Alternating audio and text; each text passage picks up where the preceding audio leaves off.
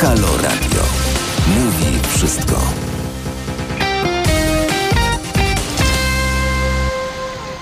Osiem minut po godzinie 13.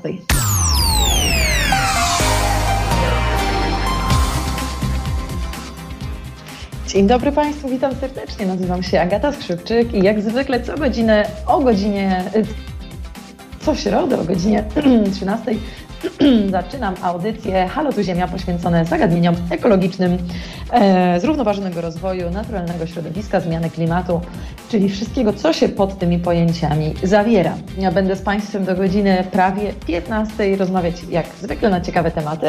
E, dzisiaj dzień 17 marca. Imieniny e, obchodzą m.in. Agrykola, Gertruda, jakże ładne i zapomniane imię, Józef, e, Zbigniew, Zbigniewa, ale też Patryk. No właśnie, dzisiaj dzień świętego Patryka, co oznacza, że praktycznie na całym świecie, ale przede wszystkim w Irlandii ulice się wypełnią zielonymi kolorami, co e, mi się osobiście bardzo podoba.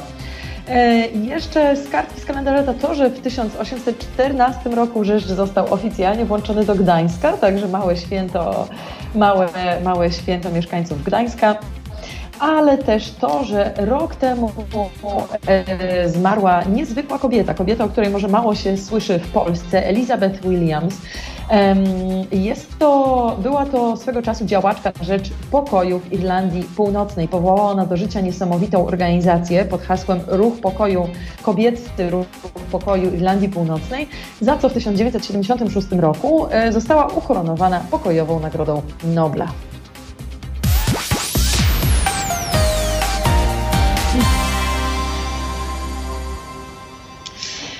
Dzień dobry Państwu, serdecznie witam. Jak co środa z przyjemnością jest mi, e, jest mi tutaj z Państwem e, rozmawiać przez dwie godziny na tematy związane z ekologią. Przyczynkiem do tych naszych rozmów, jak zwykle, są bardzo ciekawi goście, którzy na antenie będą opowiadać, opowiadać na te tematy właśnie powiązane ze środowiskiem. No i co się będzie dzisiaj działo? Dzisiaj Dwa tematy bardzo ciekawe, bardzo duże, trochę od siebie różne e, i jak najbardziej aktualne. E, zacznę od tego pierwszego. E, zacznę od tego pierwszego. Jest to temat, który trochę częściej poruszam w swoich audycjach, czyli temat związany z transformacją energetyczną i rynkiem energetycznym w Polsce. Przyczynkiem do tej, tego tematu i tej rozmowy będzie to, że w marcu ubiegłego roku Greenpeace, organizacja, Fundacja Greenpeace e, złożyła pozew przeciwko spółce PGE, e, a raczej spółce córce PGGIEK. E, jest to spółka córka należąca właśnie do dużego koncernu PGE, największego koncernu energetycznego w Polsce. I właśnie ta spółka córka próbuje przedłużyć koncesję w Turowie koncesję na wydobycie węgla metodą odkrywkową do, do 2044 roku, co jest zupełnie niezgodne z polityką Unii Europejskiej, e, z transformacją energetyczną i przez co też ten region może stracić dużo środków z Funduszu Sprawiedliwej Transformacji właśnie przez to, że po prostu się nie wywiąże z, e, z, z e, wykonywania polityki odchodzenia od węgla.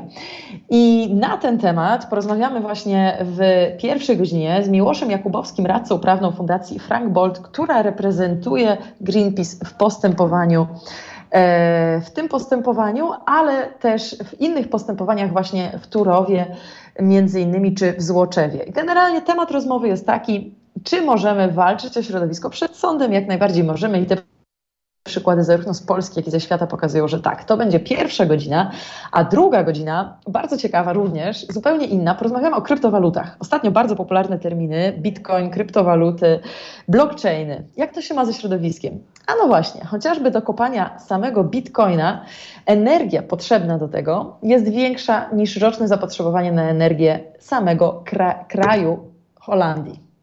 E, I porozmawiamy o tym, skąd tą energię do tego całego nowego, wielkiego rynku kryptowalut się czerpie, w jaki sposób to zagraża środowisku naturalnemu i czemu ten rozwój jest niezrównoważony, a może innych obszarach zrównoważony jest. O tym porozmawiamy z Jakubem Szczęsnym z bloga technologicznego Antyweb. E, opowie nam trochę, czym to w ogóle jest i jak to się wszystko łączy ze środowiskiem. E, zostańcie Państwo z nami, przygotujcie się do tej ciekawej rozmowy, bo raczej się nie będziecie mogli już ruszyć sprzed radioodbiorników. E, zaczynamy pierwszą rozmowę już za parę minut.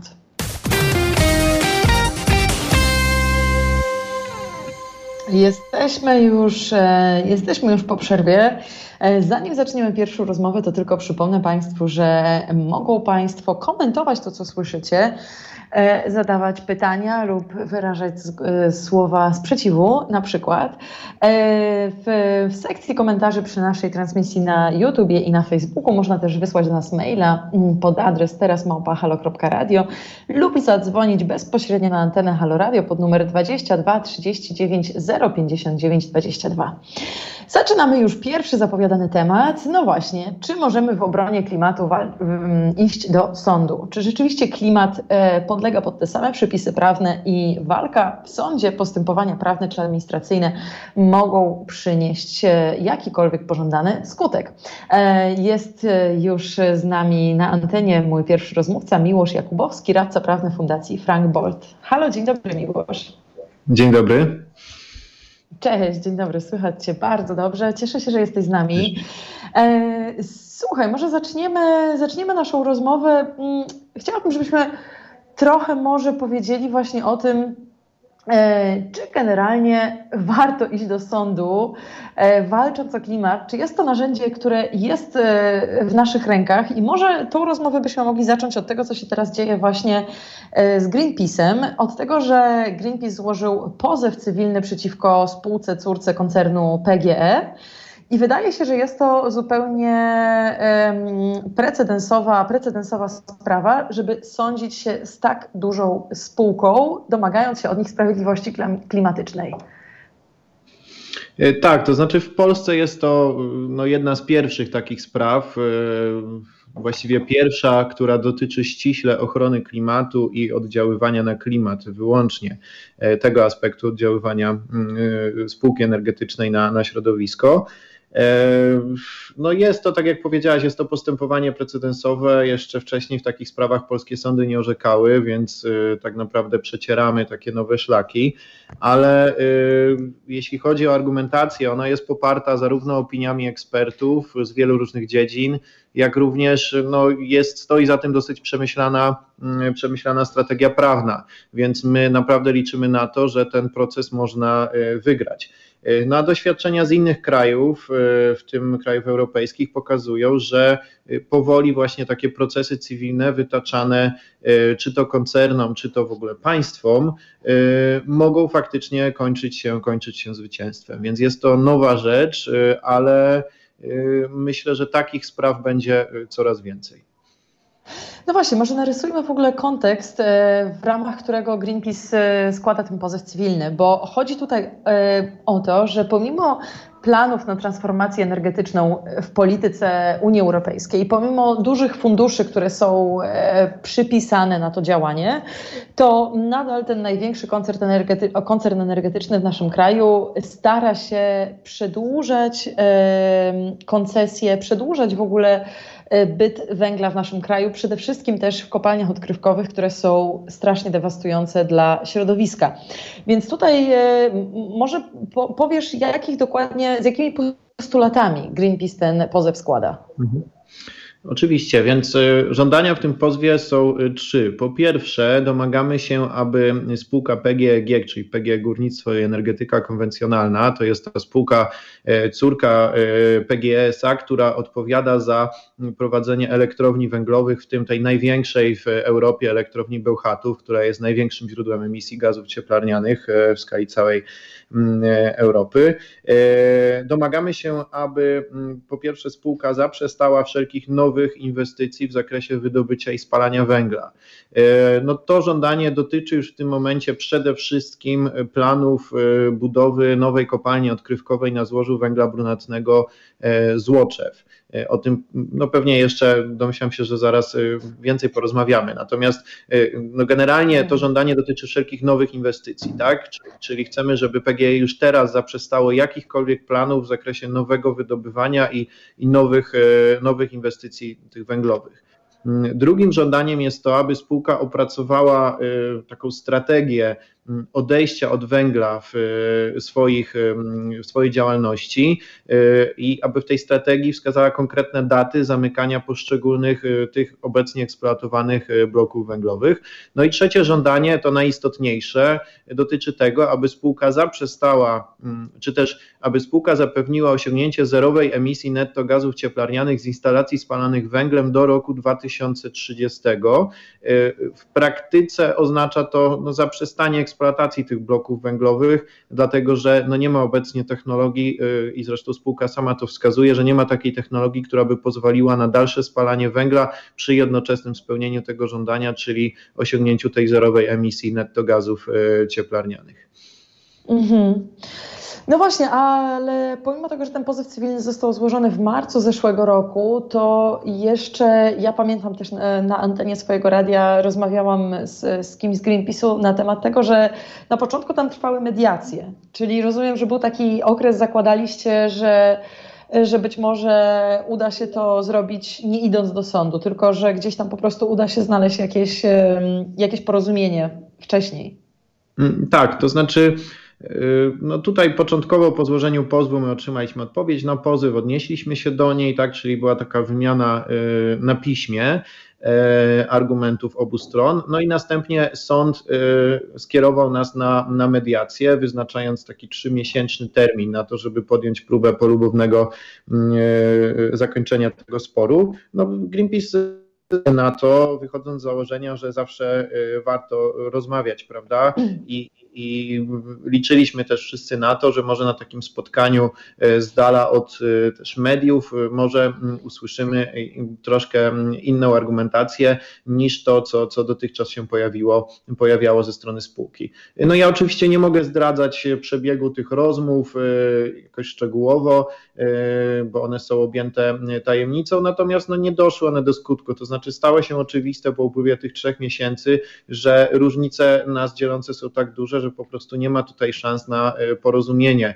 E, żadne z żądań e, Greenpeace'u, nawet częściowo nie będzie spełnione przez spółkę. Spółka wyraźnie dała do zrozumienia, że po prostu nie ma tutaj pola do, do, do takiego jakiegoś kompromisu, który byłby akceptowalny. W związku z tym no, podjęliśmy decyzję, aby już nie składać wniosku o przedłużenie tego trzymiesięcznego terminu, bo byłoby to też marnowanie czasu i, i no jak to słusznie mm, zauważają y, y, działacze Greenpeace, no Ziemia, nasza planeta nie ma tyle czasu, tak? My nie możemy czekać kolejnych miesięcy czy lat, y, my musimy działać już teraz, więc po tych trzech miesiącach po prostu zdecydowaliśmy się, że już nie można dłużej czekać, nie, nie przedłużaliśmy, nie wnioskowaliśmy o przedłużanie tego terminu mm, na, na prowadzenie mediacji, w związku z czym no, sprawa wraca do sądu, no i zostanie rozpoznana przez sąd. Natomiast co do tego, kiedy odbędzie się pierwsza rozprawa e, i kiedy możemy spodziewać się wyroku, no to nie chciałbym się wypowiadać, bo jeszcze mhm. niewiele wiemy, e, ale no myślę, że sam proces potrwa jeszcze wiele miesięcy, pewnie nawet ponad rok, dlatego że tam jest wiele mm, dowodów złożonych przez obie strony, być może będą również biegli sporządzać opinie, więc na pewno troszkę jeszcze to, to potrwa. A zastanawia mnie, jaka jest tutaj główna argumentacja, którą e, wykorzystujecie, jeżeli to oczywiście są rzeczy, które, o których możesz mówić jawnie. E, na co się przede wszystkim powołujecie, domagając się, składając te żądania PGE? Czy powołujecie się na politykę Unii Europejskiej, czy raczej opieracie się na nauce i na y, przewidywanych przyszłości, przy, przyszłości klimatu? Czy macie właśnie bardziej polityczną, czy naukową argumentację, jeżeli to jest coś, o czym możesz mówić? Hmm. Ciężko powiedzieć, to znaczy, ciężko mi tak jednoznacznie odpowiedzieć na to pytanie. To znaczy, jeśli chodzi o kwestie prawne, to tutaj mogę tyle powiedzieć, że podstawą prawną tego naszego roszczenia jest y, taki przepis prawa ochrony środowiska, to jest artykuł 323 ustęp 1 i 2 tej ustawy, który pozwala organizacjom ekologicznym na właśnie dochodzenie przed sądem, e, na, na składanie takiego powództwa w obronie środowiska jako dobra wspólnego. Więc tutaj przedmiotem ochrony w tej sprawie jest środowisko pojmowane jako dobro wspólne, tak? dobro wszystkich obywateli e, i wszystkich ludzi. E, no i jeśli chodzi o tą argumentację merytoryczną, no to my się przede wszystkim opieramy na opiniach ekspertów, którzy wskazują na to, że po pierwsze, no to wydaje się oczywiste, ale to mimo wszystko trzeba cały czas podkreślać. E, zmiana klimatu ma miejsce, postępuje coraz szybciej, e, wiąże się z, ze straszliwymi skutkami dla ludzi, dla bioróżnorodności, dla środowiska i w związku z tym musimy jak najszybciej e, ograniczyć, bo, bo jej zapobieganie już nie ma właściwie teraz, jest na to za późno, natomiast musimy ograniczyć jej skutki i przede wszystkim kluczowe jest tu doprowadzenie do neutralności klimatycznej. W pierwszym rzędzie należy wyeliminować spalanie węgla węgla z energetyki, bo ono jest źródłem tych największych e, emisji. Tak? Więc wskazujemy na to, że działalność spółki, która no niemal w całości opiera się właśnie na spalaniu węgla w tych dużych blokach energetycznych, e, jest mm, bardzo szkodliwa dla środowiska i w takim szerokim, cywilistycznym ujęciu ona jest bezprawna, ponieważ ona godzi no, w zasady współżycia społecznego e, i no, oczywiście podpieramy się tutaj również dokumentami z zakresu prawa międzynarodowego, porozumieniem paryskim, istotnie, w istotnym stopniu nasza argumentacja opiera się na raporcie tego międzyrządowego panelu do spraw zmian klimatu, e, więc no tutaj cała ta argumentacja jest dosyć mocno e, rozbudowana. No, pozew razem z załącznikami liczył kilkaset stron, więc nie byłbym w stanie tutaj tego szczegółowo mhm. opisać. Ja, jasne, natomiast coś, co mi się wydaje naprawdę kluczowe tutaj i, i, i, bardzo interesujące z tego, co powiedziałeś, to właśnie mm, założenie pod takie podejście, że środowisko naturalne jest dobrem wspólnym, bo przez, myślę, że przez długi czas w Polsce też pokutowało takie przemyślenie, że, że to, co jest ni, niczyje, to, co jest wszystkich, to jest niczyje, że jakby wszyscy mają prawo to niszczyć i nikt nie ma obowiązku, żeby o to dbać. I to, co, to, co o, o czym tutaj mówisz, to mi się bardzo podoba i wydaje mi się, że to jest może jeszcze pewnego rodzaju innowacją, ale z pewnością przyszłością też w naszym kraju. E, takie rozliczanie, że to, że środowisko jest nas wszystkich, e, to znaczy, że wszyscy mamy do tego równe prawa i wszyscy musimy o to, o to, o to dbać. To myślę, że to, mhm. to może być rzeczywiście tutaj takie. Dokładnie. Dokładnie i okazuje się, że ustawodawca w jakimś stopniu to przewidział, bo mamy właśnie przepisy w prawie ochrony środowiska, które pozwalają na to, żeby organizacje ekologiczne, czyli stowarzyszenia, fundacje, które działają na rzecz ochrony środowiska, mogły występować charakterze takich, nazwijmy to, adwokatów środowiska, tak? Czyli my występujemy tutaj e, w interesie e, środowiska naturalnego jako tego dobra wspólnego. Mamy, mamy na szczęście taką możliwość. Mhm. To, to jest rzeczywiście fantastyczne. Yy, przypomina mi to trochę też zagadnienie, o którym ja teraz sporo piszę, zagadnień tych części mórz i oceanów na świecie, która jest niechroniona, jest to duża część, większość praktycznie, która jest niechroniona żadnym prawem, żadnym, żadnym praktycznie żadnymi przepisami prawnymi międzynarodowymi i też jest takie zapisane w konwencji Organizacji Narodów Zjednoczonych, że E, że jest to dobro wspólne, jest to dobro wszystkich i kończy się tak, że jest po prostu mhm. mocno degradowany, więc y, bardzo, bardzo to jest y, zmiana tego podejścia jest bardzo istotna. Miłoszu, zaraz wrócimy do tej rozmowy dalej w kontekście polskim. Zostań proszę z nami na linii, dosłownie e, dwie minutki na dwie minutki przerwy.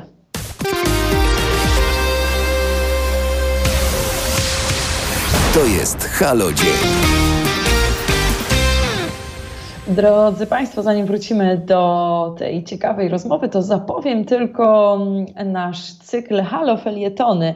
Powiem, co się będzie działo dzisiaj. Pewnie już część z Państwa zna ten e, nowy cykl, który funkcjonuje od jeszcze niecałych dwóch miesiąc, miesięcy w Halo Radio.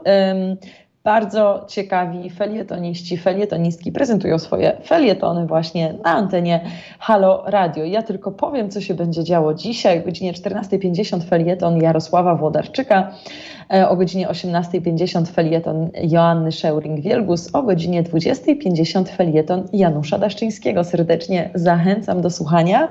E, jednocześnie przypomnę, że można na bieżąco komentować e, treści naszej rozmowy, tego co od tego, można komentować na temat tego, o czym rozmawiamy, ale też na inne tematy związane z tą audycją. E, przy naszej transmisji na YouTubie, Facebooku e, można napisać na maila teresmałpahalo.radio lub zadzwonić na antenę pod numer 22 39 059 22. Ja na bieżąco śledzę Państwa komentarze w tej lub innych sprawach. Wracamy już do rozmowy. Miłosz Jakubowski, radca prawny Fundacji Frank Bolt. Rozmawiamy o pozwie cywilnym, który Greenpeace wytoczył przeciwko e, spółce córce koncernu PGE, ale chciałabym też troszkę bardziej się zagłębić w temat, o którym Miłosz e, wspomniałeś, czyli temat Złoczewa. Tam też jesteście aktywni. Natomiast, natomiast tam w Złoczewie sprawa jest troszkę inna i tam chyba stroną e, tej, tej całej sprawy są mieszkańcy, prawda? Mógłbyś nam więcej na ten temat powiedzieć? Tak, e, no w sprawie kopalni odkrywkowej Złoczew toczy się już wiele różnych postępowań administracyjnych równocześnie. E, I tam faktycznie w części z tych postępowań e, stronami są e, mieszkańcy tych gmin, to jest nie tylko Złoczew, ale też Ostrówek i kilka okolicznych gmin, w obrębie których planowana jest ta kopalnia. I to oni przede wszystkim są aktywnymi stronami tych postępowań. No, działa tam też oczywiście Greenpeace a my zapewniamy wsparcie prawne, ale no myślę, że najważniejszym takim aktorem jest tam właśnie ta strona społeczna i e, to są gospodarze, właściciele gospodarstw rolnych, którzy po prostu e, walczą. Na początku oni walczyli w obronie swoich gospodarstw, swojej ziemi, tak? bo budowa tej kopalni oznaczałaby e, likwidację około chyba 33 wsi i to wiązałoby się z koniecznością przesiedlenia ponad 3000 ludzi. Więc no, ci ludzie po prostu straciliby cały swój dorobek, swoją ojcowiznę e, i oni początkowo walczyli tak naprawdę w obronie swojej ziemi, natomiast oni w przebiegu tego postępowania no tak y, dużo się dowiedzieli na temat y, właśnie skutków spalania węgla i na temat y, zmiany klimatu i generalnie ochrony środowiska, że no teraz właściwie stali się takimi aktywistami klimatycznymi, klimatycznymi, tam e, e, lokalnymi, ponadlokalnymi, to jest też, to jest też bardzo ciekawa historia. E, więc tak, mamy kilka różnych postępowań, bo tam toczy się postępowanie o wydanie decyzji o środowiskowych uwarunkowaniach, takiej kluczowej decyzji administracyjnej, która właśnie określa środowiskowe warunki realizacji danego przedsięwzięcia. To postępowanie toczy się już od 2016 roku, no i zmierza ku końcowi, bo niedawno Generalna Dyrekcja Ochrony Środowiska zapowiedziała, że do 30 kwietnia już zamierza faktycznie wydać decyzję w drugiej instancji w tej sprawie, więc po kilku latach e, doczekamy się może rozstrzygnięcia. No ale jednocześnie toczą się także inne postępowania, między innymi postępowanie o mm, udzielenie koncesji na wydobywanie węgla e, z tego złoża, a także takie poboczne troszkę postępowania dotyczące aktów planowania przestrzennego uchwalanych w poszczególnych gminach, przede wszystkim właśnie w Złoczewie, e, więc no, tam bardzo dużo rzeczy się dzieje jednocześnie. To jest w ogóle trochę zadziwiające, że y, temat transformacji energetycznej jest tak, y, tak bardzo na tapecie, nie tylko w Polsce, ale w całej Unii Europejskiej przede wszystkim, a my cały czas musimy walczyć z tym, żeby nie budować nowych kopalni odkrywkowych, bo przypomnijmy, to nie jest kopalnia, która funkcjonuje, tylko to są właśnie plany PGE na zdobycie koncesji przy, przy złożu E, które do tej pory nie było eksploatowane. Ale z drugiej strony też jest e, sprawa, myślę, bardzo dużej wagi e, w Turowie. Tam z kolei postępowanie toczy się o to, że, że PG chce przedłużyć koncesję do 1944 roku, prawda? I tutaj to jest o tyle ciekawe, Miłosz, może możesz więcej na ten temat powiedzieć, że tam są też strony międzynarodowe zaangażowane, bo pozwały, prawnie też się angażują inne kraje w to, prawda? To nie tylko mieszkańcy nawet. Mm, tak, y, znaczy ja osobiście sprawą Turowa się akurat y, nie zajmuję, no ale jakby generalne rozeznanie w tej sprawie oczywiście posiadam. E, jeśli chodzi o Turów, no to tak, tam kopalnia odkrywkowa istnieje i ona zapewnia dostawy węgla do elektrowni Turów. E, wszystko dzieje się w miejscowości Bogatynia, która jest y, położona w tym tak zwanym worku turoszowskim, e, w takim, takim niewielkim fragmencie Polski, który jest położony wciśnięty między Niemcy a Czechy.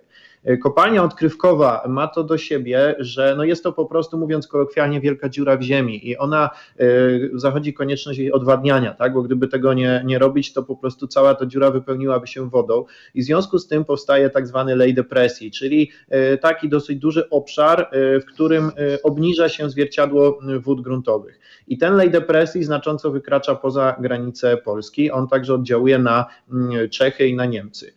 No i w związku z tym, że Czechom nie udało się, stronie czeskiej nie udało się dojść do jakiegoś porozumienia ze stroną polską e, w trakcie, kiedy były, toczyło się postępowanie środowiskowe dotyczące tego właśnie przedłużenia koncesji dla mm, odkrywki turów, e, ponieważ uwagi strony czeskiej nie zostały w wystarczający sposób e, wzięte pod uwagę przez nasze polskie organy wydające decyzje, czyli przez Regionalną i potem Generalną Dyrekcję Ochrony Środowiska, no to Czesi faktycznie zdecydowali się na taki krok dosyć drastyczny i, i, złożyli ten pozew do Trybunału Sprawiedliwości Unii Europejskiej przeciwko Polsce. E, no i warto podkreślić, że to jest, zdaje się, pierwsza sprawa tego typu dotycząca środowiska, czyli pierwszy raz jedno państwo pozywa drugie państwo Unii Europejskiej w sprawie dotyczącej właśnie ochrony e, środowiska i oddziaływania na środowisko. E, więc ta, ta sprawa tak nabrała takiego międzynarodowego wymiaru. No i tu chciałbym podkreślić, że myślę, że przyczyną tego jest nie tylko samo oddziaływanie, ale też taka pewna nonszalancja w wydawaniu tych decyzji administracyjnych. To znaczy, gdyby organy naprawdę e, pilnowały tego, żeby wszystko przebiegało zgodnie z prawem e, krajowym i unijnym, to Czesi nie mieliby pewnie podstawy, żeby kierować takie, żeby, żeby mm, no, do takich kroków się posuwać. Tutaj właśnie problem jest, który przejawia się też w innych dużych inwestycjach w zakresie energetyki. To jest taki problem, że często te przepisy traktuje się troszkę troszkę e, po macoszemu, tak? Tylko na szybko, jak najszybciej stara się wydać decyzję, e, nie myśląc o mhm. konsekwencjach. No doskonałym przykładem tego była na przykład e, inwestycja elektrownia Ostrołęka-C, gdzie wszyscy eksperci, bo nie tylko ekolodzy, ale też ekonomiści, eksperci od energetyki mówili, że ta inwestycja nie ma sensu, ale mimo wszystko szybko, szybko wydano wszelkie niezbędne decyzje, rozpoczęto budowę, no i po wydaniu tego nieszczęsnego miliarda złotych okazało się, że jednak ta budowa musiała stanąć i teraz widzimy, jak te y, słynne wieże mm, i, i fragment chłodni kominowej, kominowej są rozbierane. Więc to y, takie są efekty y, wydawania pozwoleń, wydawania decyzji nieprzemyślanych i, i bez uwzględnienia głosu strony społecznej, bez uwzględnienia głosu ekspertów, w tym ekspertów z zakresu ochrony środowiska. Mm. Może rzeczywiście trochę było tak do tej pory, że te tereny, które miały już tradycję węglową, mieszkańcy tych terenów byli dosyć przyzwyczajeni do obecności E, kopalni e, w tych, w tych regionach. Mhm. I też nie było może takiej właśnie praktyki, zarówno koncerny, jak i organy wydające te, te decyzje, może nie były przygotowane na to, że ta strona społeczna nagle ma, jest odpowiednio wyedukowana, ma odpowiednią tak. ilość y, świadomości i też tych prawnych narzędzi, żeby rzeczywiście patrzeć im na ręce. Wygląda na to, że to, co robicie, jest dużym takim. Y, z pewnego rodzaju też ostrzeżeniem na przyszłość, że jakby jesteśmy tu, patrzymy na Was i hmm. będziemy Was rozliczać. To tak. Dobra strona. Myślę, że myślę, że to się właśnie dzieje i, i, duża zmiana zachodzi w tych też innych regionach. No przede wszystkim widać to na Śląsku, gdzie E, jeszcze do niedawna decyzje administracyjne dotyczące na przykład wydobycia węgla kamiennego z nowych złóż były wydawane niejako z automatu, nikt się tym tematem specjalnie nie interesował. Mieszkańcy też byli chyba w dużej mierze pogodzeni z tym, ich interesowały tylko kwestie ewentualnych odszkodowań za szkody górnicze. I nagle w ostatnich latach to się zmieniło. I myślę, że, że tak, to jest zasługa takiej budowania świadomości. E, i też pewnego wsparcia eksperckiego, też prawnego i to oczywiście nie jest e, tylko nasza zasługa jako naszej fundacji, bo to jest cały ruch organizacji, bardzo wielu zaangażowanych w to organizacji pozarządowych, które w tym pomagają. No i efekty widać na przykład na Śląsku. W ostatnich miesiącach kilkukrotnie już Generalna Dyrekcja Ochrony Środowiska uchylała decyzje środowiskowe wydane właśnie dla przedsięwzięć polegających na wydobywaniu węgla kamiennego z nowych złóż. Coś, co kiedyś się właściwie nie zdarzało, teraz y, zdarza się regularnie i myślę, że duża w tym zasługa mm, lokalnych społeczności i też organizacji y, pozarządowych, które zaczęły w tych postępowaniach aktywnie uczestniczyć i walczyć o swoje y, prawa. I widzimy dzięki temu taką, taką zmianę, która naprawdę zachodzi na naszych oczach. Mhm. A czy poza, poza właśnie tymi postępowaniami węglowymi, czy też w Polsce obserwujemy postępowania związane z innymi aspektami środowiska naturalnego i czy są może jakieś sukcesy już e, w, w takich postępowaniach? Mówię tutaj o smogu, odnoszę się tutaj też do, do właśnie kwestii czystego powietrza. E, tak, ja, ja osobiście e, troszkę się zawsze wzbraniam przed tym, bo, bo walczę o to, chyba wszyscy walczymy, żeby nie mieszać tych dwóch kwestii, prawda, klimatu i smogu. To są jednak dwa, dwa odrębne zagadnienia, więc też chciałbym, żeby nasi słuchacze mieli świadomość, że jednak oddziaływanie na jakość powietrza, smog, zanieczyszczenie powietrza to nie to samo, co, co oddziaływania te na klimat i emisja gazów cieplarnianych. No ale e, skoro pytasz, to tak, no, no pod tym względem też wiele się dzieje i, i widzimy tutaj zmiany. Myślę, że po części one są efektem tego, tego, że y, no, Polska w 2018 roku została uznana za y, winną naruszenia unijnej dyrektywy dotyczącej jakości powietrza i jeżeli nie będzie szybkiej poprawy, to grożą nam y, kary, ale w międzyczasie też właśnie obywatele zaczęli walczyć o swoje prawa. E, no ja jestem pełnomocnikiem w jednej z pierwszych takich spraw, gdzie mm, e, mieszkaniec Rybnika, miasta, które słynie z bardzo wysokich poziomów zanieczyszczenia powietrza, pozwał Skarb Państwa. To się stało jeszcze w 2015 roku. No, sprawa ciągnie się już od wielu lat, ale w tym miesiącu, dokładnie 26 marca, e, spodziewamy się, czyli w przyszły piątek, spodziewamy się no, bardzo ważnego rozstrzygnięcia, ponieważ Sąd Najwyższy, odpowiadając na pytanie prawne zadane przez Sąd Okręgowy w Gliwicach, wydał uchwałę w przedmiocie tego, czy możliwość oddychania czystym powietrzem, czy powietrzem spełniającym pewne minimalne standardy określone w przepisach prawa jest dobrem osobistym i podlega ochronie na gruncie mm, prawa cywilnego. No to będzie bardzo, bardzo istotne rozstrzygnięcie, no ale w, w międzyczasie takich pozwów dotyczących właśnie ochrony powietrza złożono już dużo więcej i były już wyroki, nawet wyroki yy, pozytywne dla, dla tych yy, powodów, gdzie w Warszawie zdaje się sądy zasądzały mm, zadośćuczynienia mm, na rzecz chyba organizacji jakichś pożytku publicznego. Właśnie w tego typu sprawach, gdzie Y, no, osoby, y, obywatele, mieszkańcy miasta skarży, pozywali Skarb Państwa y, w związku z, ze smogiem, zanieczyszczeniem powietrza i z zaniecha, za zaniechania, które doprowadziły do tego, że to zanieczyszczenie dalej osiąga tak znaczące rozmiary. No i podobną logikę w pewnym stopniu można właśnie stosować w sprawach dotyczących również klimatu. Oczywiście to są kwestie dużo trudniejsze, bo no, oddziaływanie na klimat zachodzi w skali globalnej, oddziaływanie na jakość powietrza powietrza jednak ograniczone do pewnego konkretnego mm, obszaru. Niemniej jednak e, argumentacja prawna e, w jakim stopniu może zostać wykorzystana mm, e, również właśnie w sprawach klimatycznych, ta, która teraz jest używana w tych sprawach dotyczących smogu. Mhm. Też oczywiście wpływ na, tak jak mówisz, na, na jakość powietrza jest bardziej bezpośredni, bardziej dostrzegalny wpływ tak. na klimat mhm. jednak jest też, jest też jakimś długoterminowym procesem. Natomiast wydaje mi się, że co, co, podobne tutaj też, co te sprawy może, może łączyć, to, to właśnie zmiana tego, tego paradygmatu, zmiana tego podejścia, że i klimat, i jakość powietrza, którym oddychamy, że mm, jest to, tak jak wspomniałeś, to dobro wspólne. Musimy, ponosimy odpowiedzialność, jeżeli, e, jeżeli, jeżeli zaniedbujemy, e, czy jeżeli właśnie właśnie mamy zły wpływ na to. Y, Miłosz, bardzo Ci dziękuję za tą rozmowę. To napra naprawdę bardzo dobre informacje, które dają też dużo nadziei na przyszłość. Myślę, że otwierają w ogóle zupełnie też nową ścieżkę właśnie w tym aktywizmie klimatycznym, bo jest to, jest to swego rodzaju aktywizm, y, aktywizm klimatyczny, można powiedzieć. Y, dziękuję Ci bardzo. Miłosz Jakubowski, radca prawny Fundacji Frank Bolt był moim i Państwa gościem. Dziękuję Ci serdecznie. Dziękuję. Dziękuję, do widzenia. A ja się z Państwem e, słyszę już za chwilę. E, zostańcie proszę, zostańcie proszę i słyszymy się za parę minut.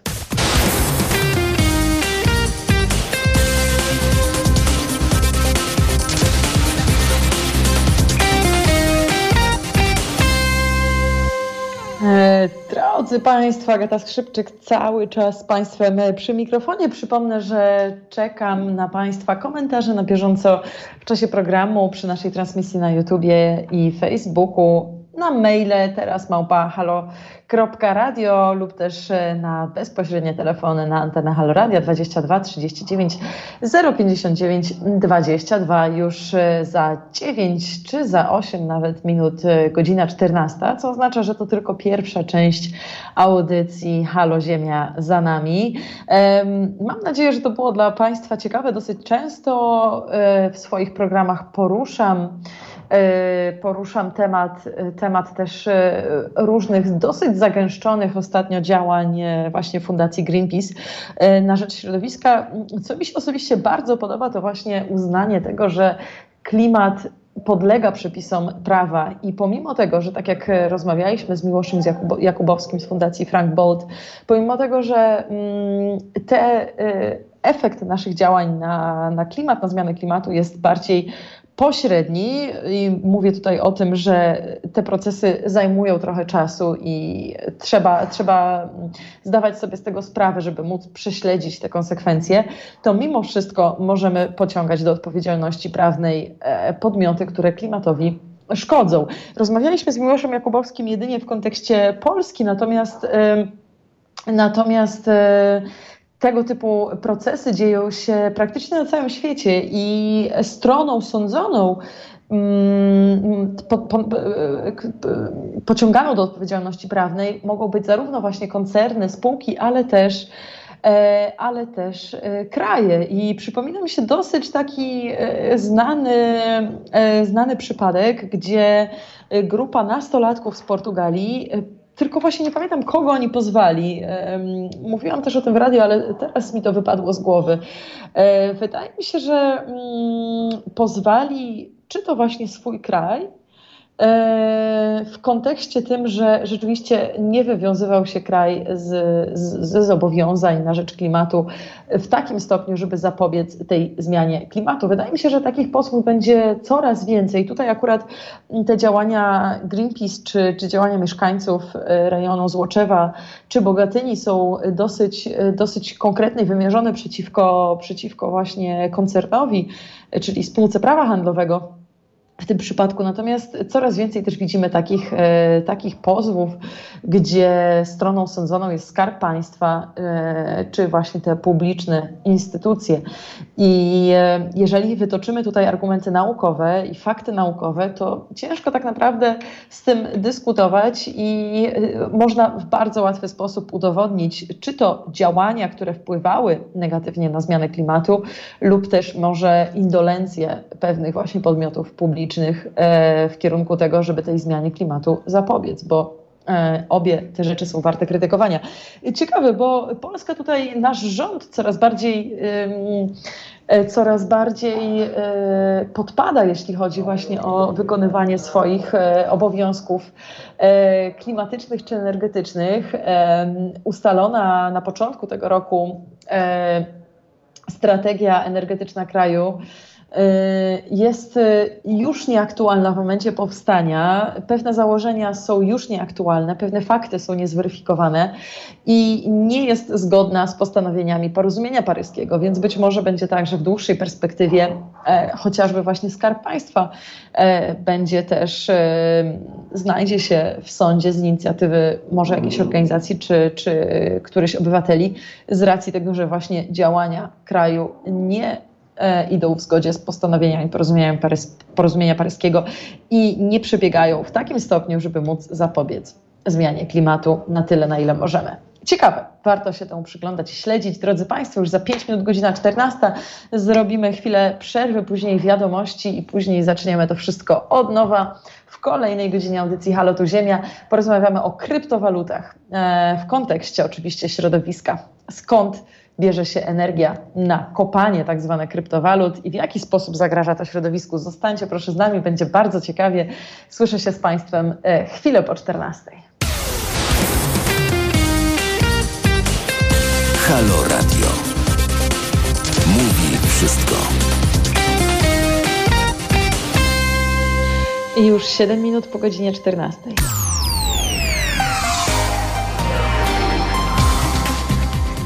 Dzień dobry, witam Państwa serdecznie w drugiej godzinie audycji Halo tu Ziemia. Nazywam się Agata Skrzypczyk i nadal z Państwem przy mikrofonie jeszcze do godziny 15. Dzisiaj środa, niezmiennie 17 marca, co oznacza imieniny innymi Zbigniewa czy Zbigniewy, e, Agry, Kola lub Ambrożego ale też Patryka. Oznacza to, że w różnych krajach na świecie, a przede wszystkim w Irlandii, na ulicach zapanuje kolor zielony z racji tego, że dzisiaj właśnie Dzień Świętego Patryka. Ehm, kartka z kalendarza, która mnie osobiście zaciekawiła, to to, że w 1814 roku e, Wrzeszcz, e, Wrzeszcz został przyłączony do Gdańska. W 1830 roku w Teatrze Wielkim w Warszawie odbył się pierwszy biletowany koncert Fryderyka Chopina. Niesamowite wydarzenie to musiało być, proszę tylko pomyśleć.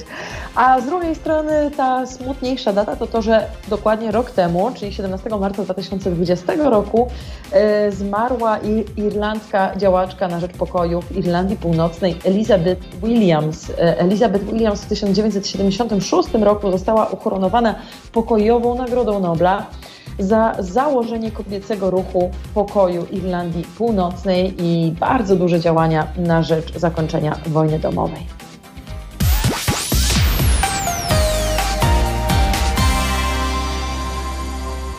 Drodzy Państwo, nawet e, w wiadomościach e, o, o, pełnej godzinie naszych, naszych haloradiowych wiadomościach mogli Państwo usłyszeć o e, wydarzeniach, które dzisiaj w Turowie się odbywają, właśnie przy kopalni odkrywkowej PGE. W poprzedniej godzinie z Miłoszem Jakubowskim z Fundacji Frank Bolt mówiliśmy dosyć dużo na temat procesu pozwu cywilnego, który Greenpeace wytoczył spółce PGE, między innymi właśnie za działania związane z tą kopalnią odkrywkową, to, że to, że e, PGE chce przedłużyć koncesję działania na działanie tej kopalni do aż 2044 roku. I poza różnymi działaniami sądowymi, prawnymi, e, Greenpeace też, też protestuje, właśnie będąc tam na miejscu. Greenpeace domaga się, że, że Polska ma odejść od węgla przez kolejne 10 lat. W kontekście Polski to brzmi dosyć radykalnie. Przez 10 lat mamy skończyć, skończyć węgiel, e, który, który ma cały czas e, dominację, ponad 70% energii elektrycznej w Polsce pochodzi właśnie z węgla, ale z drugiej strony to tylko w naszym w kontekście Polski brzmi radykalnie, bo z drugiej strony cała polityka Unii Europejskiej zakłada, że do 2030 roku mamy zrezygnować, odejść, wygasić elektrownie i kopalnie, węglowe i tylko wtedy możemy wykonać założenia porozumienia paryskiego na rzecz zapobiegania zmiany klimatu. Więc y, jeżeli spojrzymy gdziekolwiek dalej poza nasze polskie podwórko, to to wcale nie jest radykalna data i rzeczywiście trzeba o to walczyć w jaki sposób tylko można. E, drodzy Państwo, 10 minut po godzinie 14 e, i już za chwilę zostańcie proszę z nami, porozmawiamy na bardzo ciekawy temat, temat kryptowalut. Ostatnio bardzo popularny, wszyscy o tym mówią. E, w ogóle straszna, straszna bańka zrobiła się na, e, w różnych aplikacjach, które są łatwo dostępne do obrotu kryptowalutami, między innymi bitcoinem właśnie. I rzeczywiście przez czas e, pandemii, lockdownu, nie wiem czy to wynika z tego, że ludzie po prostu więcej siedzą przy komputerach i mają czas na takie rzeczy. Zaraz porozmawiamy o tym z naszym gościem.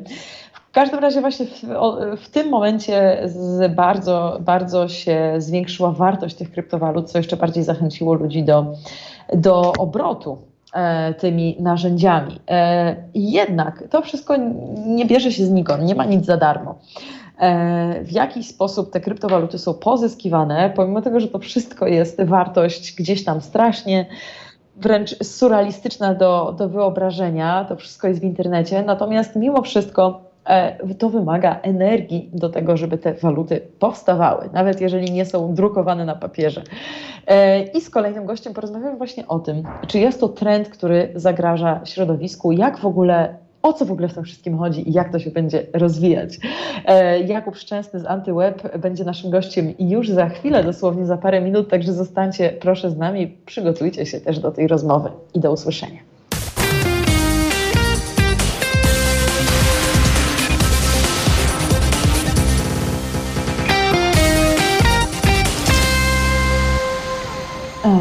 Drodzy Państwo, jesteśmy już e, po przerwie. E, wracamy do audycji Halo tu Ziemia i zaczynamy temat, który nie ukrywam jest dosyć trudny do poprowadzenia z racji tego, że zazwyczaj rozmawiam na tematy związane ze środowiskiem, na których się znam, więc chociażby wiem, jak konstruować pytania. A tutaj ten temat, który zaraz poruszymy, czyli kryptowaluty i blockchain, e, jest na tyle trudny, że nawet szczerze powiedziawszy, nie wiem, jak, e, jak do tego podejść i jak te pytania zadawać, i myślę, że właśnie w ten sposób do tej rozmowy e, podejdziemy. E, Jakub Szczęsny z bloga technologicznego Antyweb jest naszym rozmówcą. Cześć Jakub, jesteś z nami? Dzień dobry, witam Państwa. Cześć, dzień dobry. Jakub, słuchaj, pomimo tego, że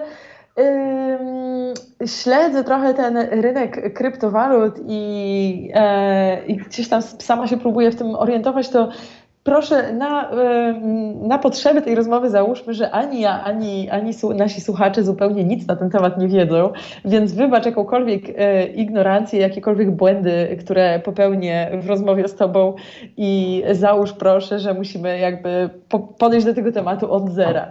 tak to myślę chyba mhm. będzie łatwiej. Okay. Super. Słuchaj, może najpierw w ogóle yy, narysujmy, zanim przejdziemy do, do tego, o czym pierwotnie chciałam z Tobą porozmawiać, czyli o korelacji tej, te, tego nowego rynku finansowego ze środowiskiem i z energetyką, to może w ogóle mógłbyś nam narysować, yy, czym kryptowaluty są, w sensie gdzie leży wartość kryptowalut? Jeżeli nie na papierze, to gdzie? Skąd, ta, skąd wartość bitcoina na przykład się bierze? W jaki sposób jest ona wyrażana, wyobrażana? Eee, mówi się o kryptowalutach, że to są wirtualne pieniądze. Tutaj zaznaczę, że w ten sposób nie można ich rozpatrywać, bo one nie są ani środkiem płatniczym, ani jednostką walutową, ani pieniądzem elektronicznym, nawet e, przynajmniej e, jeżeli chodzi o prawodawstwo większości państw obecnie, więc one pieniądze, e, kryptowaluty pieniądzem nie są, przynajmniej jeszcze na razie. Można je nazywać bardziej walutą kryptograficzną czy E, czy e, monetą e, wirtualną, tak?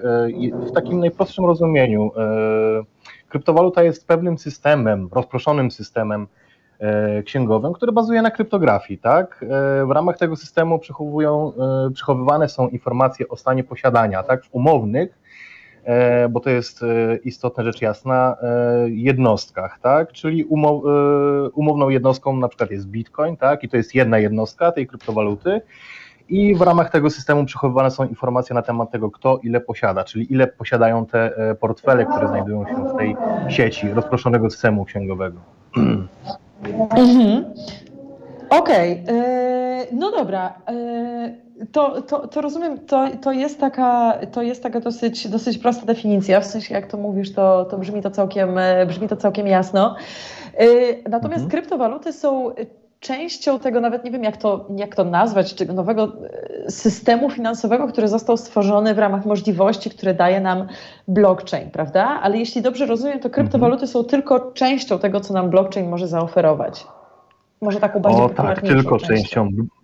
E, no blockchain jest e, pewną, e, jakby to, jakby to określić w taki najprostszy możliwy sposób, jest siecią takich łańcuchów danych, tak, oparte na systemie blokowym.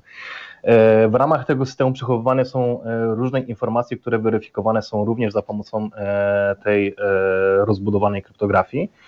I tutaj e, w ramach tego systemu no, można, e, e, można operować tutaj tym pieniądzem, odchodzimy od tej nomenklatury, od tej wirtualnej monety czy kryptowaluty, tak? Można, mhm. można opierać kryptowaluty na blockchainie, ale nie zawsze, bo nie wszystkie kryptowaluty bazują na blockchainie i to warto sobie powiedzieć.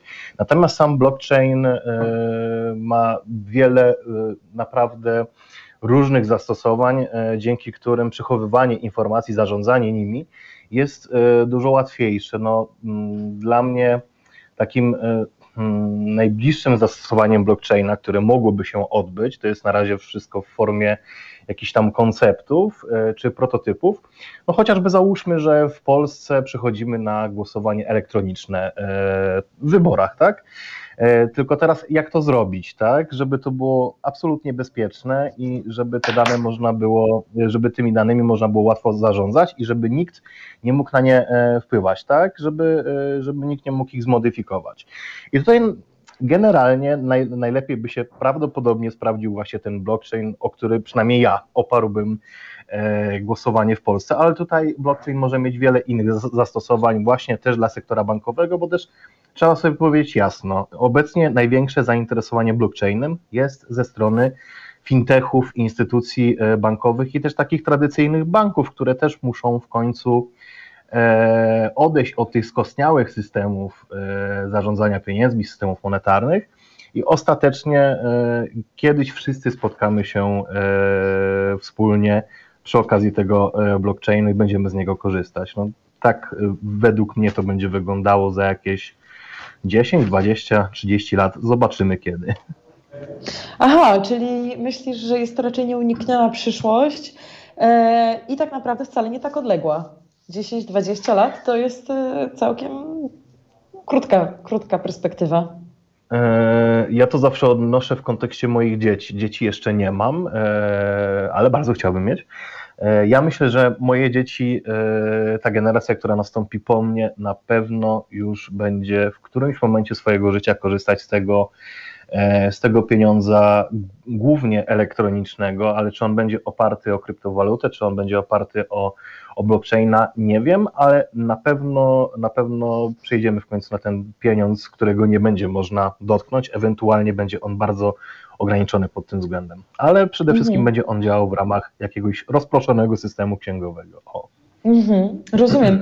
Czyli może jest to jeszcze jakiś taki rynek niewyeksplorowany, gdzie, którego zasady trochę będziemy tworzyć na bieżąco, że tak powiem, z tego co mówisz, czy, czy może też zastosowania, bo, bo wygląda na to, że są bardzo szerokie i te rzeczy, o których wspominasz, one się obracają też dosyć sporo w, w przestrzeni takiej sprawiedliwości społecznej i myślę, że fakt tego, że to jest właśnie rozproszone, zdecentralizowane, to chyba zapewnia nam docelowo dużo większą prywatność niż, e, niż to, co jest teraz, gdzie tak naprawdę swoją prywatność sprzedaliśmy całkowicie e, w internecie, prawda? Więc e, generalnie chyba wizja mhm. zastosowania tego jest bardzo, bardzo dobra. Jeśli wiesz o co, Przede jeśli, jeśli wiesz, o odnios, od, odniosę się do tej sprzedaży prywatności. To generalnie było tak, że nas zmuszono do tego, żeby sprzedać naszą prywatność, ale nawet tego nie zauważyliśmy.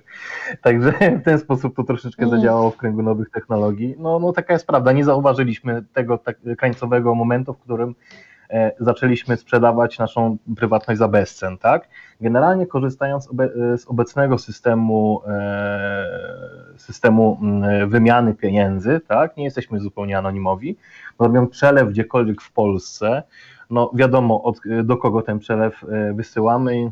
Za, za, e, takie założenie z mojej strony e, wychodzi, że na pewno służby, gdyby się bardzo postarały, albo już może się starają, wiedzą do kogo ten przelew wysyłam i być może ktoś to nawet monitoruje, tak?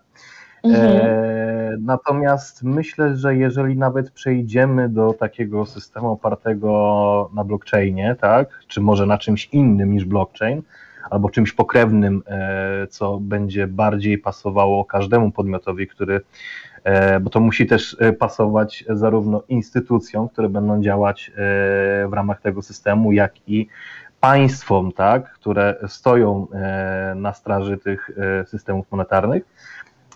Na pewno w, w jakimś stopniu będziemy, będziemy mogli zostać zidentyfikowani. Na razie to jest tylko wizja systemu z mojej strony, który mógłby działać e, w ten sposób. Także myślę, że ta anonimowość, o której mówimy teraz, zarządzając e, kryptowalutami, jeżeli ktoś takowe ma, na pewno nie będzie ona w takim stopniu dostępna, jeżeli e, ten wirtualny pieniądz, do którego na pewno kiedyś dojdzie, jeżeli ten wirtualny pieniądz będzie no, podstawową formą rozliczania się. Mhm. No właśnie, ale mówimy o bardzo intensywnym rozwoju tego, tego całego obszaru i jednocześnie też znalazłam informację, że ten współczesny rynek finansowy konsumuje potrzebny jest, jakby jest zasilany taką samą ilością energii elektrycznej jak cała Argentyna. I w kierunku tego właśnie teraz chciałabym naszą rozmowę skierować, bo bardzo mnie zastanawia, co tak naprawdę tą energię zużywa. Przychodzą mi tutaj do głowy y, takie, takie terminy, które gdzieś tam są w obiegu, czyli kopanie tych kryptowalut, czy proof of work, czyli dowód pracy. I, i mhm. powiedz, czy, mhm. czy rzeczywiście, czy to są właśnie te czy w dobrym kierunku moje myślenie idzie? Co tak naprawdę przy tej całej raczej, raczej takiej nienamacalnej wartości powoduje zużycie tej energii? E, rzeczywiście, e, w lutym e, tego roku właśnie pojawiły się informacje na temat tego, że Bitcoin jako infrastruktura zużywa więcej prądu niż cała Argentyna rocznie, tak? W ujęciu rocznym tutaj takie tak. porównanie tak. i niewiele nawet Bitcoinowi brakło do, do Ukrainy, co no Ukraina jest dosyć dużym państwem, tak? Może nie jest państwem, yy, znaczy szczególnie, nie jest państwem rozwiniętym w takim ujęciu jak na przykład Polska i Zachód, tak? Ale no, Ukraina yy, no, jest dużo większa, jeżeli chodzi o, o, o, o terytorium niż Polska, tak? Yy, I, I, wydawałoby nam się, yy, że, że zużywa tego prądu no, dużo więcej, chociaż i tak to nie jest mało, bo trzeba, mhm. trzeba sobie powiedzieć jasno, z czego wynika zużycie prądu przez blockchain. Tak? E, Boże, przez e, Bitcoina. E, przepraszam Bitcoin. bardzo. Tak. Otóż jeżeli, otóż jeżeli chodzi o Bitcoina, to po pierwsze, jeżeli chodzi o kryptowaluty, to trzeba wiedzieć o tym, że dokonywane są obliczenia rozproszone, a także, także tutaj jest bardzo istotne to, żeby wykonywać obliczenia oraz operacje, które E, które są bardzo istotne dla systemu e, weryfikacji transakcji, które, e, które się odbywają w ramach tej zdecentralizowanej sieci księgowej, tak? Także koparki kryptowalut, które działają w obrębie tych kryptowalut, albo wykonują obliczenia zmierzające ku temu, aby E, weryfikować te transakcje, albo są to obliczenia rozproszone. E, tutaj e, można wskazać takie przykłady, jak wykonywanie pewnych obliczeń dla, dla naukowców, tak? Oddaje mhm. się wydajność kart graficznych w ramach jakiejś tam większej sieci obliczeń, po to, żeby rozwiązać pewien problem, ale w zamian za rozwiązywanie tych problemów od E, od tych organizacji badawczych otrzymuje, otrzymujemy też pewną ilość e, tej kryptowaluty, tak? E, mhm. I tutaj biorąc pod uwagę to, jak wiele tych operacji trzeba wykonać w ramach działania tego Bitco w ramach działania Bitcoina, to tutaj rzeczywiście tej energii jest mnóstwo, ale E, tutaj chcę wskazać taką jedną bardzo istotną operację, e, Boże, e, przepraszam bardzo, taką kwestię. Jeżeli chodzi mhm. o Bitcoina, to najwięcej koparek tej kryptowaluty znajduje się w Chinach. A dlaczego? Bo w Chinach, szczególnie region południowo-zachodni, e, tam energia elektryczna jest najtańsza.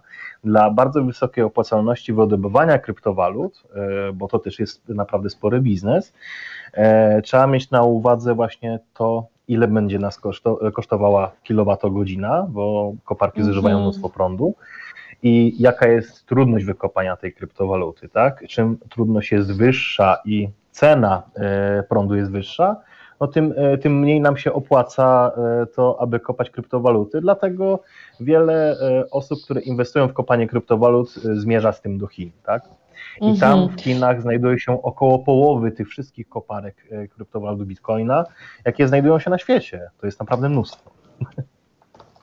Mhm.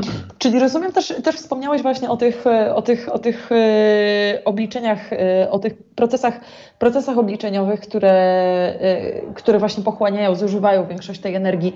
Czy rozumiem, że wartość kryptowalut też zależy od tych procesów, właśnie od tych ilości procesów i obliczeń, która jest wykonywana? Czyli jeżeli chcemy zwiększyć docelowo wartość kryptowalut, to możemy się spodziewać, że tych procesów będzie dużo, dużo więcej z czasem? Prawdopodobnie tak. No, odpowiedź na to pytanie nie jest taka jednozna, nie jest jednoznaczna, ale można założyć, że prawdopodobnie tak.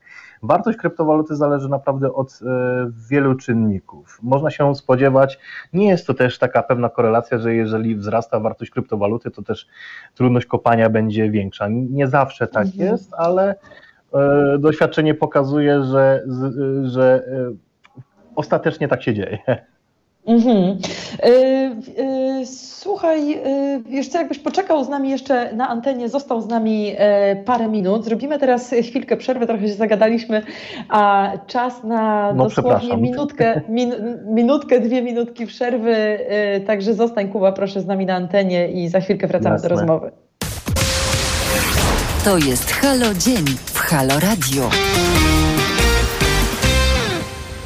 No właśnie, niezależność ma swoją cenę, dlatego też e, bardzo dziękujemy za finansowe wspieranie Haloradia e, dla tych, którzy rzeczywiście wspierają tą naszą niezależność finansowo, bo tego potrzebujemy. E, serdecznie dziękujemy pani Hannie ze Świebodzic, pani Elizie z Mielca, panu Wojciechowi z Lublina, pani Sylwii z Gdańska, panu Ziemowitowi z Piotrkowa Trybunalskiego, panu Andrzejowi ze Skawiny, panu Leszkowi ze Staszowa, panu Jackowi z Warszawy, pani Ewie z Oleśnicy i pani Alinie z Olsztyna. Proszę pamiętajcie o nas za każdym razem, kiedy włączacie Halo Radio, tak jak i my pamiętamy o naszych słuchaczach, ilekroć siadamy przed mikrofonem. E, serdecznie zapraszamy na stronę www.zrzutka.pl ukośnik Halo Radio, gdzie możecie przeczytać więcej na temat możliwości wsparcia finansowego Halo Radio. Już 33 minuty po godzinie 14 wracamy do rozmowy.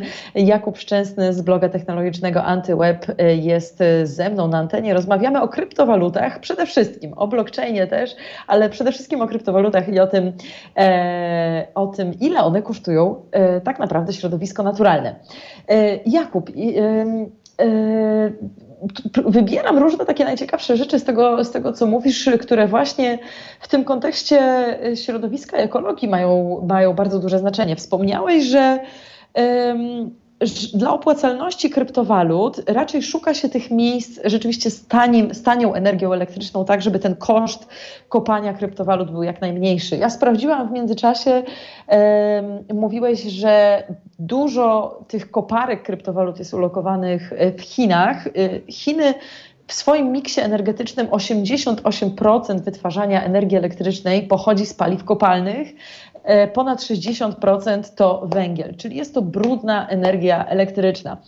E, więc oczywiście ten koszt dla środowiska jest tutaj e, dosyć bezpośredni i łatwy do wyobrażenia. Mówiliśmy w tej pierwszej godzinie audycji o transformacji energetycznej, o potrzebie odchodzenia od węgla, a tymczasem mamy tutaj cały wielki obszar, nowy obszar gospodarki, który się na tym węglu tak naprawdę opiera.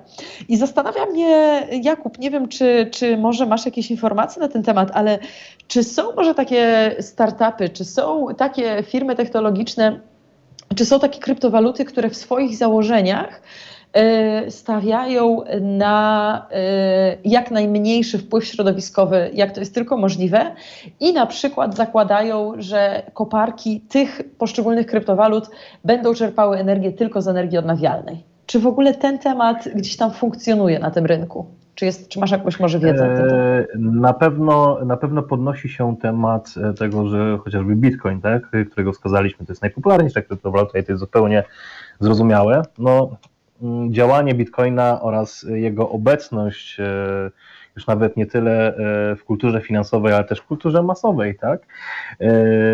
No pochodzi z, z tej brudnej energii, tak? Każdy sobie zdaje z tego sprawę, no szczególnie doniesienia o tym, że no cały Bitcoin zużył e, w 2000 znaczy zużywa, e, zużywa więcej energii elektrycznej rocznie niż Argentyna, no dał ludziom sporo do myślenia, tak? I wszyscy zaczęli się zastanawiać, skąd ta energia. Na pewno powstało wiele takich startupów, zresztą e, były wzmianki na temat e, organizacji, które e, w swoich założeniach próbowały w jakiś sposób zrównoważyć, bo no w tym momencie nie da się tego zlikwidować, tak to już się stało. Zrównoważyć wpływ kryptowalut czy, czy koparek kryptowalut w taki sposób, żeby, żeby no, troszeczkę temu środowisku pomóc. Ja tutaj chciałbym zwrócić uwagę na bardzo fajny projekt pana Christiana Haszczeka, nie wiem czy dobrze wymawiam jego nazwisko, który wykorzystał własną domową koparkę kryptowalut do tego, żeby móc ogrzewać własny dom. Mm. Trzeba wiedzieć o tym, że każda koparka kryptowalut, oprócz tego, że zużywa energię elektryczną, tak, wykonuje te obliczenia, to w pewien e, sposób, no, na drodze e, wszelkich przemian fizycznych generuje również ciepło.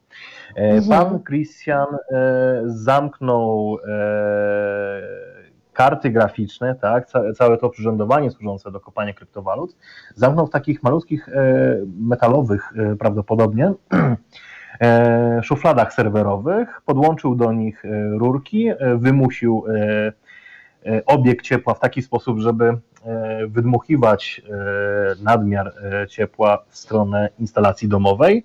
Oczywiście dom był wyposażony również w pompę ciepła i tak dalej, i tak dalej.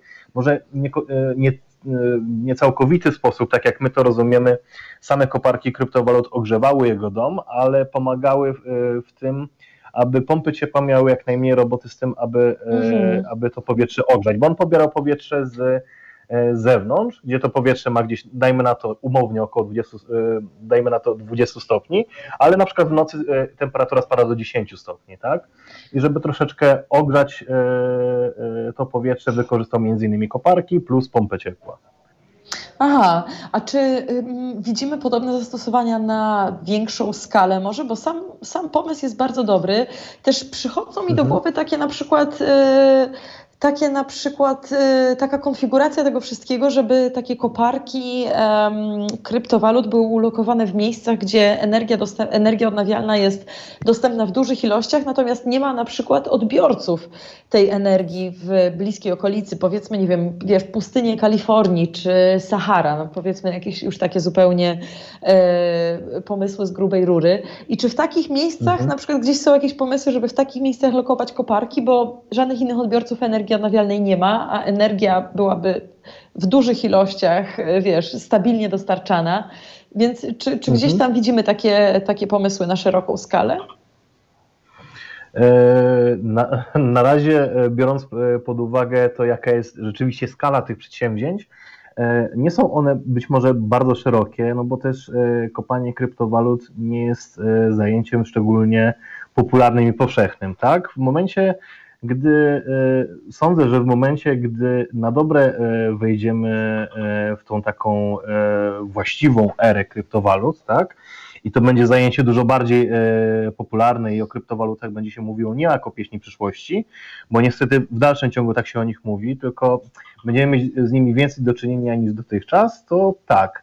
Natomiast w tym momencie już widać pewne przedsięwzięcia, które zmierzają ku temu, aby aby, aby e, w ten sposób wykorzystywać e, energię elektryczną do, do kopania kryptowalut. Tak? Mhm.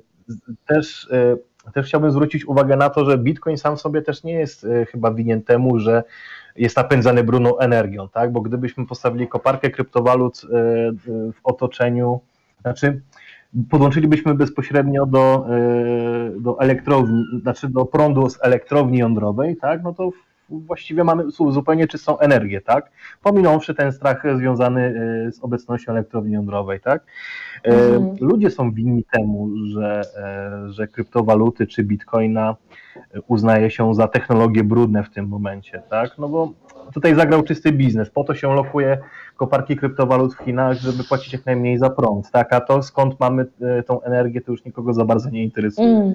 bo to jest czysty biznes, niestety. Zgadzam się z Tobą zupełnie. E, kryptowaluty po prostu funkcjonują w pewnym systemie finansowym, który sprawia, że e, jak, ich koszt ich pozyskania ma być najtańszy i, i tyle. I masz rację, jest to, jest to, no, jest to czysty biznes. System no, tworzą no, ludzie, a ludzie są. Mhm. Tak. Natomiast zastanawiam się tutaj, że wiesz, że przy y, możli- okazji tworzenia tak dużego, całego nowego obszaru gospodarki, e, możemy też gdzieś tam zwrócić się w kierunku e, regulacji, chociażby związanych ze środowiskiem, z klimatem, które wydaje mi się, że coraz, coraz będą miały większą wagę. I zastanawiam się tutaj jeszcze, jeszcze jedno pytanie mam, czy, czy myślisz, bo z tego co słyszę jesteś przekonany, że rzeczywiście ten system będzie się bardzo rozwijał i będzie to, będzie to rzeczywistość, a nie pieśń przyszłości. I czy myślisz, że ten sektor będzie jakkolwiek regulowany, tak jak, a, tak jak w na przykład właśnie z, z um, kwestiami związanymi z klimatem. Czy, bo w tej chwili się to obraca, wiesz, w tak e, gdzieś tam obszarze, mam wrażenie, niedoregulowanym, takim zupełnie ponadnarodowym. I zastanawiam się, czy gdzieś tam jakiekolwiek regulacje prawne będą, będą, wiesz, będą to dotyczyły i czy jest możliwość gdzieś tam takich regulacji właśnie też związanych ze środowiskiem, żeby w przyszłości je uwzględnić. Mm, jeżeli chodzi o kryptowaluty blockchaina, to widać, że już niektóre kraje zaczynają e, powoli regulować tego typu kwestie, na przykład na Malcie. W ostatnich latach na Malcie zaobserwowano naprawdę wiele zmian legislacyjnych pod tym względem.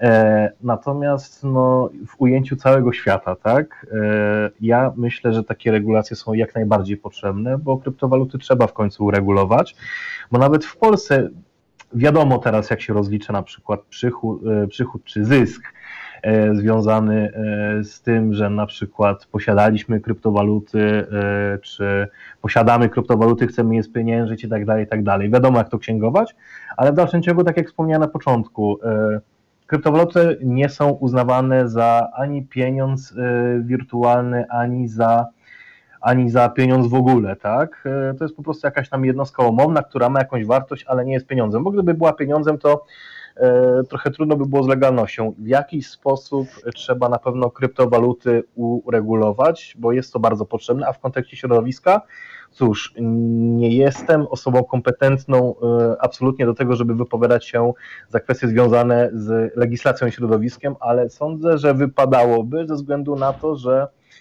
no, środowisko mamy jedno, tak? Więc mm, warto chronić, bo jeżeli sobie popsujemy planetę, to trochę trudno będzie nawet z pomocą Ilona Maska osiedlić się na Marsie. Myślę, że to w tym momencie Dokładnie. troszeczkę mimo tego to jest trochę trudne.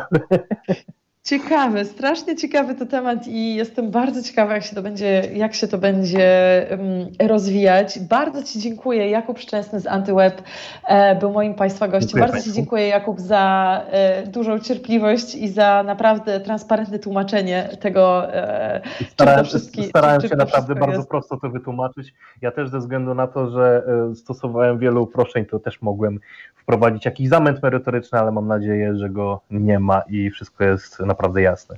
Myślę, że jak na pierwszą rozmowę to naprawdę dobrze nam poszło. Mam nadzieję, że więcej takich będzie rozmów w przyszłości i zapraszam też naszych, ja naszych słuchaczy na, na bloga Antyweb, Antyweb, Antyweb, nie wiem w jaki sposób. Antyweb. Antyweb. Antyweb, no właśnie. E, na czyta, poczytanie więcej na ten temat, jeśli, jeśli Państwa ten temat zainteresował. Kuba, bardzo Ci dziękuję i mam nadzieję, że do usłyszenia. Ja również dziękuję, do usłyszenia i również zapraszam na Antyweb. Dzięki serdeczne.